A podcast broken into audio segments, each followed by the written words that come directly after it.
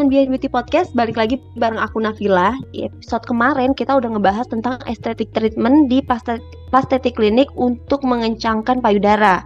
Nah, kalau ngomongin masalah payudara, pasti kalian nggak asing lagi nih sama filler payudara. Tapi sebenarnya filler payudara ini bahaya nggak sih? Nah, hari ini yang pasti aku nggak sendiri, aku ditemenin langsung sama dokter Tekunanda, dokter spesialis bedak plastik, rekonstruksi, dan estetik di Plastik Klinik Cabang Banda Aceh. Halo dokter, apa kabar dok? Halo Nafila, Alhamdulillah saya kabarnya baik. Kamu gimana? Alhamdulillah, kabarnya? alhamdulillah baik juga dok. Ini spesial banget ya dok podcast kali ini kita langsung dari daerah yang berbeda nih dok, dari Jakarta dan Banda Aceh nih. Iya, iya. Uh. Plastetik Banda Aceh gimana nih dok kabarnya nih dok? Iya, jadi plastetik Banda Aceh sendiri itu sekarang uh, sudah mulai uh, banyak dikenal ya sama masyarakat, itu baik di Banda Aceh maupun di daerah-daerah di luar Banda Aceh karena memang uh, sebagaimana kita tahu ya bahwa plastetik klinik uh, di Banda Aceh itu merupakan satu-satunya klinik bedah plastik yang ada di bahkan di Aceh bukan cuma di Banda Aceh tapi di Aceh. Hmm, klinik bedah plastik pertama ya dok ya di Banda Aceh di Aceh bahkan ya. Iya bahkan di Aceh. Jadi belum ada sih yang lain uh, klinik uh, bedah plastik uh, yang ada di Aceh. Oke, berarti buat teman-teman nih yang mungkin ada warga Aceh yang lagi nonton atau sekitarnya bisa langsung ke Plastetik Klinik Banda Aceh nih. Kalau mau perawatan, operasi plastik atau bahkan uh, dental care ya dok ya? Iya benar. Jadi uh, khusus kita di Plastetik Klinik Banda Aceh itu kita punya uh, layanan spesial ya seperti misalnya uh, layanan di bagian dental baik itu perawatan gigi, pemasangan kawat gigi dan lain-lain sebagainya itu kalau uh, teman-teman sekalian punya permasalahan seputar gigi, estetika ataupun bedah plastik bisa langsung konsultasi dan datang ya ke klinik plastetik di Banda Aceh. Nah itu dia tuh teman-teman langsung di, langsung dengar dari dokternya langsung. Oke dok kita berlanjut ke topik kita saat ini ya dok ya. Kita mau hmm. ngomongin tentang uh, breast filler ini.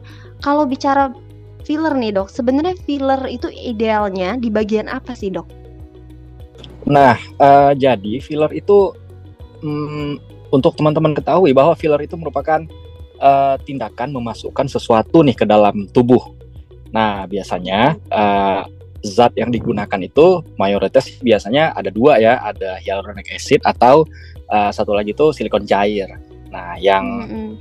sebenarnya uh, yang nggak boleh untuk dimasukin ke dalam uh, tubuh kita mau itu di hidung, di dagu, di wajah, di uh, under eye itu adalah uh, kandungan uh, adalah filler yang mengandung uh, silikon cair karena silikon cair itu uh, sebenarnya sangat berbahaya nih bagi uh, tubuh kita. Jadi kalau pertanyaan dari Nafila tadi, kira-kira uh, area mana sih yang nggak boleh di filler? Uh, hmm. Untuk topik kita hari ini payudara jawabannya. Ya, jadi payudara itu adalah daerah ataupun area yang ada pada uh, tubuh uh, manusia, terutama pada wanita, yang hukumnya haram sih untuk di filler Nafila. Jadi gitu. Hmm. Selain sebenarnya karena mm-hmm. karena karena begini, uh, kebanyakan semua uh, pasien yang datang untuk uh, memperbesar payudara uh, kebanyakan sih pada takut ya dengar kata-kata operasi. Jadi mereka itu lebih milih ke uh, jalan yang lebih uh, ya less invasif lah seperti itu. Tapi dibarengi dengan resiko yang sangat besar sebenarnya. Itu. Hmm. Jadi yang nggak boleh itu filler payudara ya dok? Itu sama sekali nggak boleh. Kalau filler payudara sama sekali tidak boleh uh, di uh, saya pernah baca ya suatu artikel itu yang diterbitkan mm -hmm. oleh uh, FDA, FDA-nya itu adalah BPOM-nya Amerika ya, BPOM-nya mm -hmm. US. Uh, di situ sangat jelas uh, dipaparkan tentang area-area mana yang boleh diinjeksi dan yang tidak boleh diinjeksi. Nah, untuk payudara baik itu uh, hyaluronic acid ataupun uh, apalagi silikon cair itu lebih-lebih dan sangat tidak dianjurkan untuk dilakukan. Tapi kalau misalnya ya, kalau uh, untuk filler di area uh, dagu, di area pipi ataupun di area uh, misalnya filler di bibir itu masih uh, boleh ataupun masih mendapat persetujuan dari uh, FDA asalkan bahan-bahan yang diinjeksinya itu uh, eh, FDA approve ataupun aman sudah melewati uh, proses uh, saringan ya dari mereka gitu. Hmm, di under eye juga boleh ya dok ya filler? Ya benar benar boleh. Tapi memang harus uh, harus hmm. dilakukan sama uh, dokter ataupun ya dokter yang sudah uh, ditrain dengan baik sih ya karena memang butuh pemahaman anatomi serta latihan yang terus-menerus untuk melakukan tindakan-tindakan seperti itu. Oh iya, salah satunya di plastik klinik ya, Dok ya. Benar, benar. Jadi kita di plastik klinik kan semuanya sudah uh, well trained ya, sudah di training dengan baik dan juga dokter-dokternya uh, ada dokter spesialis walaupun ada juga sih dokter estetika tapi saya yakin uh, sudah banyak pengalaman sudah melakukan sangat banyak uh, tindakan untuk uh, estetik. Mm-mm, betul. Nah makanya buat teman-teman mungkin nih yang teriming-iming filler payudara murah gitu, jangan sampai ya dok teriming-iming kayak gitu ya dok ya. Benar benar karena biasanya kalau yang murah itu kan nggak memberikan hasil yang maksimal ya. Biasanya kan gitu ya. Betul berarti teman-teman harus lebih banyak cari tahu lagi nih kalau mungkin lagi mencari-cari gimana sih caranya memperbesar payudara gitu ya dok ya oh iya dok yeah. ini juga ada berita yang bilang kronologi wanita tewas di hotel usai suntik filler payudara sebenarnya dok apa sih yang akan terjadi kalau misalnya memang ada yang menyuntikkan filler di payudaranya karena ada juga artikel yang bilang ada cairan kuning mengalir dari dada. Nah, apa sih dok yang terjadi kalau emang seseorang itu menyuntikkan filler di payudaranya? Oke, okay, uh, eh, secara garis besar ya filler itu seperti yang saya katakan tadi ya kalau misalnya itu yang diinjeksi adalah silikon cair, itu adalah uh, zat yang uh, nggak boleh sebenarnya ada di dalam payudara. Uh, penyebab kenapa ini kan artikel kita sempat tahu ya ada artikel ada berita dulu yang uh, pasien meninggal usai suntik uh, suntik filler payudara itu penyebabnya adalah karena satu infeksi uh, dan yang kedua mungkin karena adanya emboli ataupun uh, zat yang dimasukin itu yaitu misalnya silikon itu masuk ke dalam pembuluh darah lalu bisa menyumbat uh, pembuluh darah pembuluh darah kecil sehingga bisa menyebabkan stroke bahkan kematian. Jadi uh, untuk kasus yang Nafila katakan tadi ya, kalau misalnya pasien itu ada keluar cairan kekuningan, itu kemungkinan besar karena proses infeksi yang terjadi di dalam, sehingga uh, proses infeksi yang uh, tidak tertangani dengan baik, dia akan menyebar ke seluruh area payudara pada awalnya, lalu akan menyebar ke seluruh tubuh, sehingga menyebabkan uh, reaksi infeksi yang sistemik ataupun reaksi infeksi yang uh, uh, yang terjadi pada hampir seluruh tubuh sehingga mengakibatkan sirkulasi yang ada pada si pasien itu uh, penuh dengan bakteri ataupun kuman sehingga pasiennya jadi ngedrop, pasiennya demam uh, dan lain-lain sebagainya sampai menyebabkan kematian seperti yang kita uh, pernah baca ya di artikel itu gitu. Hmm, bahaya banget berarti ya dok ya. Tapi dok kalau misalnya uh, dia baru tahu nih setelah dia suntik filler ternyata dia baru denger podcast kita yang gini nih dok mm-hmm. itu ada nggak sih dok penanganannya apa bisa tiba uh, fillernya kita angkat gitu dok gimana dok? Oke okay, oke okay. jadi uh, ini sebenarnya sangat banyak kayak pertanyaan seperti ini uh, dok saya pernah melakukan filler di sini pernah melakukan filler di sana bagaimana ya dok caranya? Nah jadi teman-teman yang sudah uh, terlanjur untuk yang sudah terlanjur melakukan filler pada area payudara itu jawabannya uh, sangat sulit untuk dibersihkan secara sempurna ya karena filler itu kan dia adalah benda cair. Pada saat kita masukkan ke dalam payudara dia akan mengalir uh, dengan tidak terkendali. Dia bisa uh, nyempil di bawah uh, lemak dia bisa masuk uh, uh, uh, di bawah kulit. Sehingga kalau kita melakukan tindakan pengambilan semua uh, jaringan yang terpapar dengan uh, silikon cair tersebut, maka bisa mengganggu bentuk dari payudaranya gitu teman-teman. Jadi uh, perlu kita tahu bahwa memasukkan sesuatu yang cair itu sangat sulit untuk dikeluarkan secara sempurna.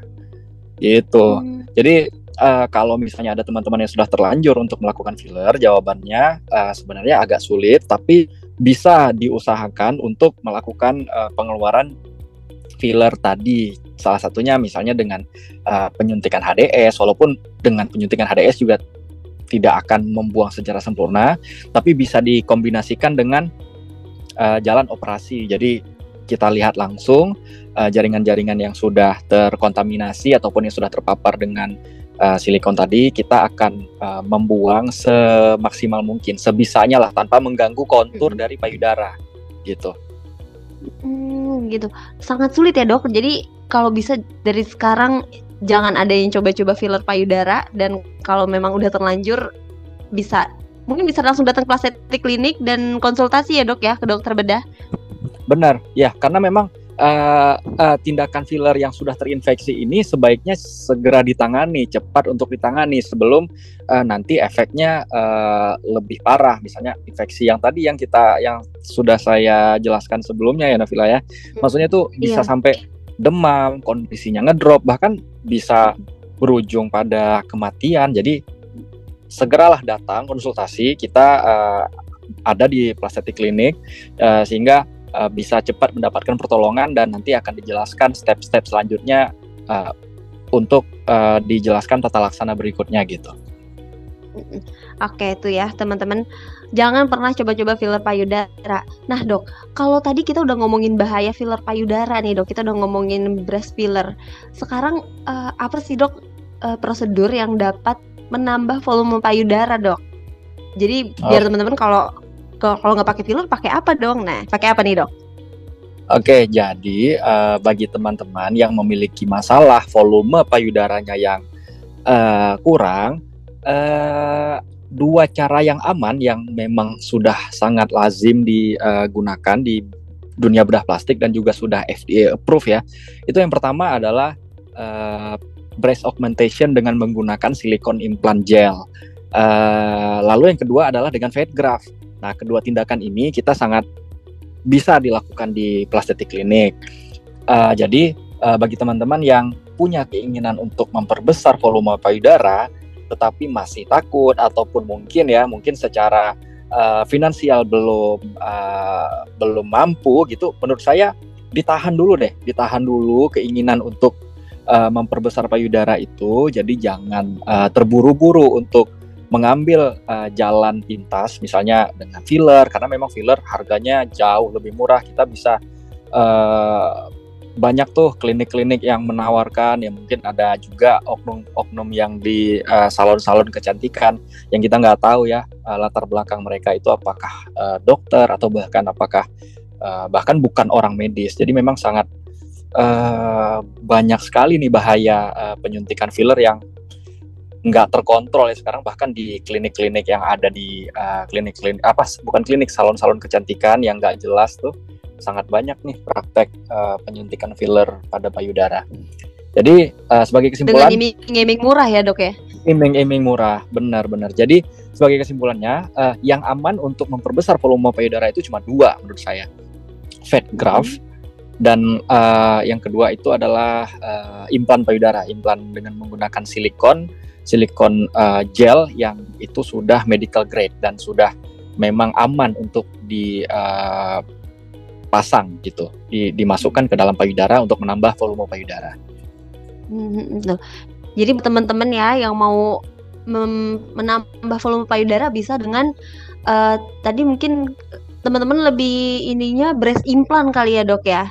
Benar, Sama benar. Transfer mungkin ada yang tahu itu. Iya, Ya, jadi uh, transfer itu misalnya kita uh, ngambil uh, lemak dari area perut atau dari area paha lalu dimasukkan ke dalam uh, payudara. Karena kan kita tahu nih lemak kita sendiri terus lemak itu adalah uh, jaringan yang memang uh, alami ya dari tubuh kita sehingga mm -mm. lebih aman sebenarnya gitu. Nah, itu dia ya teman-teman bisa dipilih tuh di antara dua itu. Tapi yang pasti harus konsultasi dulu sama dokter bedah dan dilihat yang terbaik lebih baik pakai yang mana ya, Dok ya. Betul, betul. Konsultasi itu adalah langkah pertama yang harus dan wajib uh, dijalani oleh pasien yang akan menjalani uh, prosedur bedah plastik. Nah, itu dia pentingnya konsultasi nih teman-teman. Dok, itu tadi uh, pertanyaan terakhir untuk podcast kita kali ini. Mungkin teman-teman kalau masih ada pertanyaan bisa komen di kolom komentar atau langsung DM aja Plastetik Klinik nanti akan kita sambungkan langsung ke dokter ahlinya nih. Terima kasih ya dok udah mau sharing di Behind Beauty Podcast nih dok. Iya, terima kasih juga ya atas kesempatannya sudah ngundang saya Navila. Iya, terima kasih dok. Buat teman-teman juga terima kasih yang udah dengerin Behind Beauty Podcast. Sampai jumpa di podcast selanjutnya.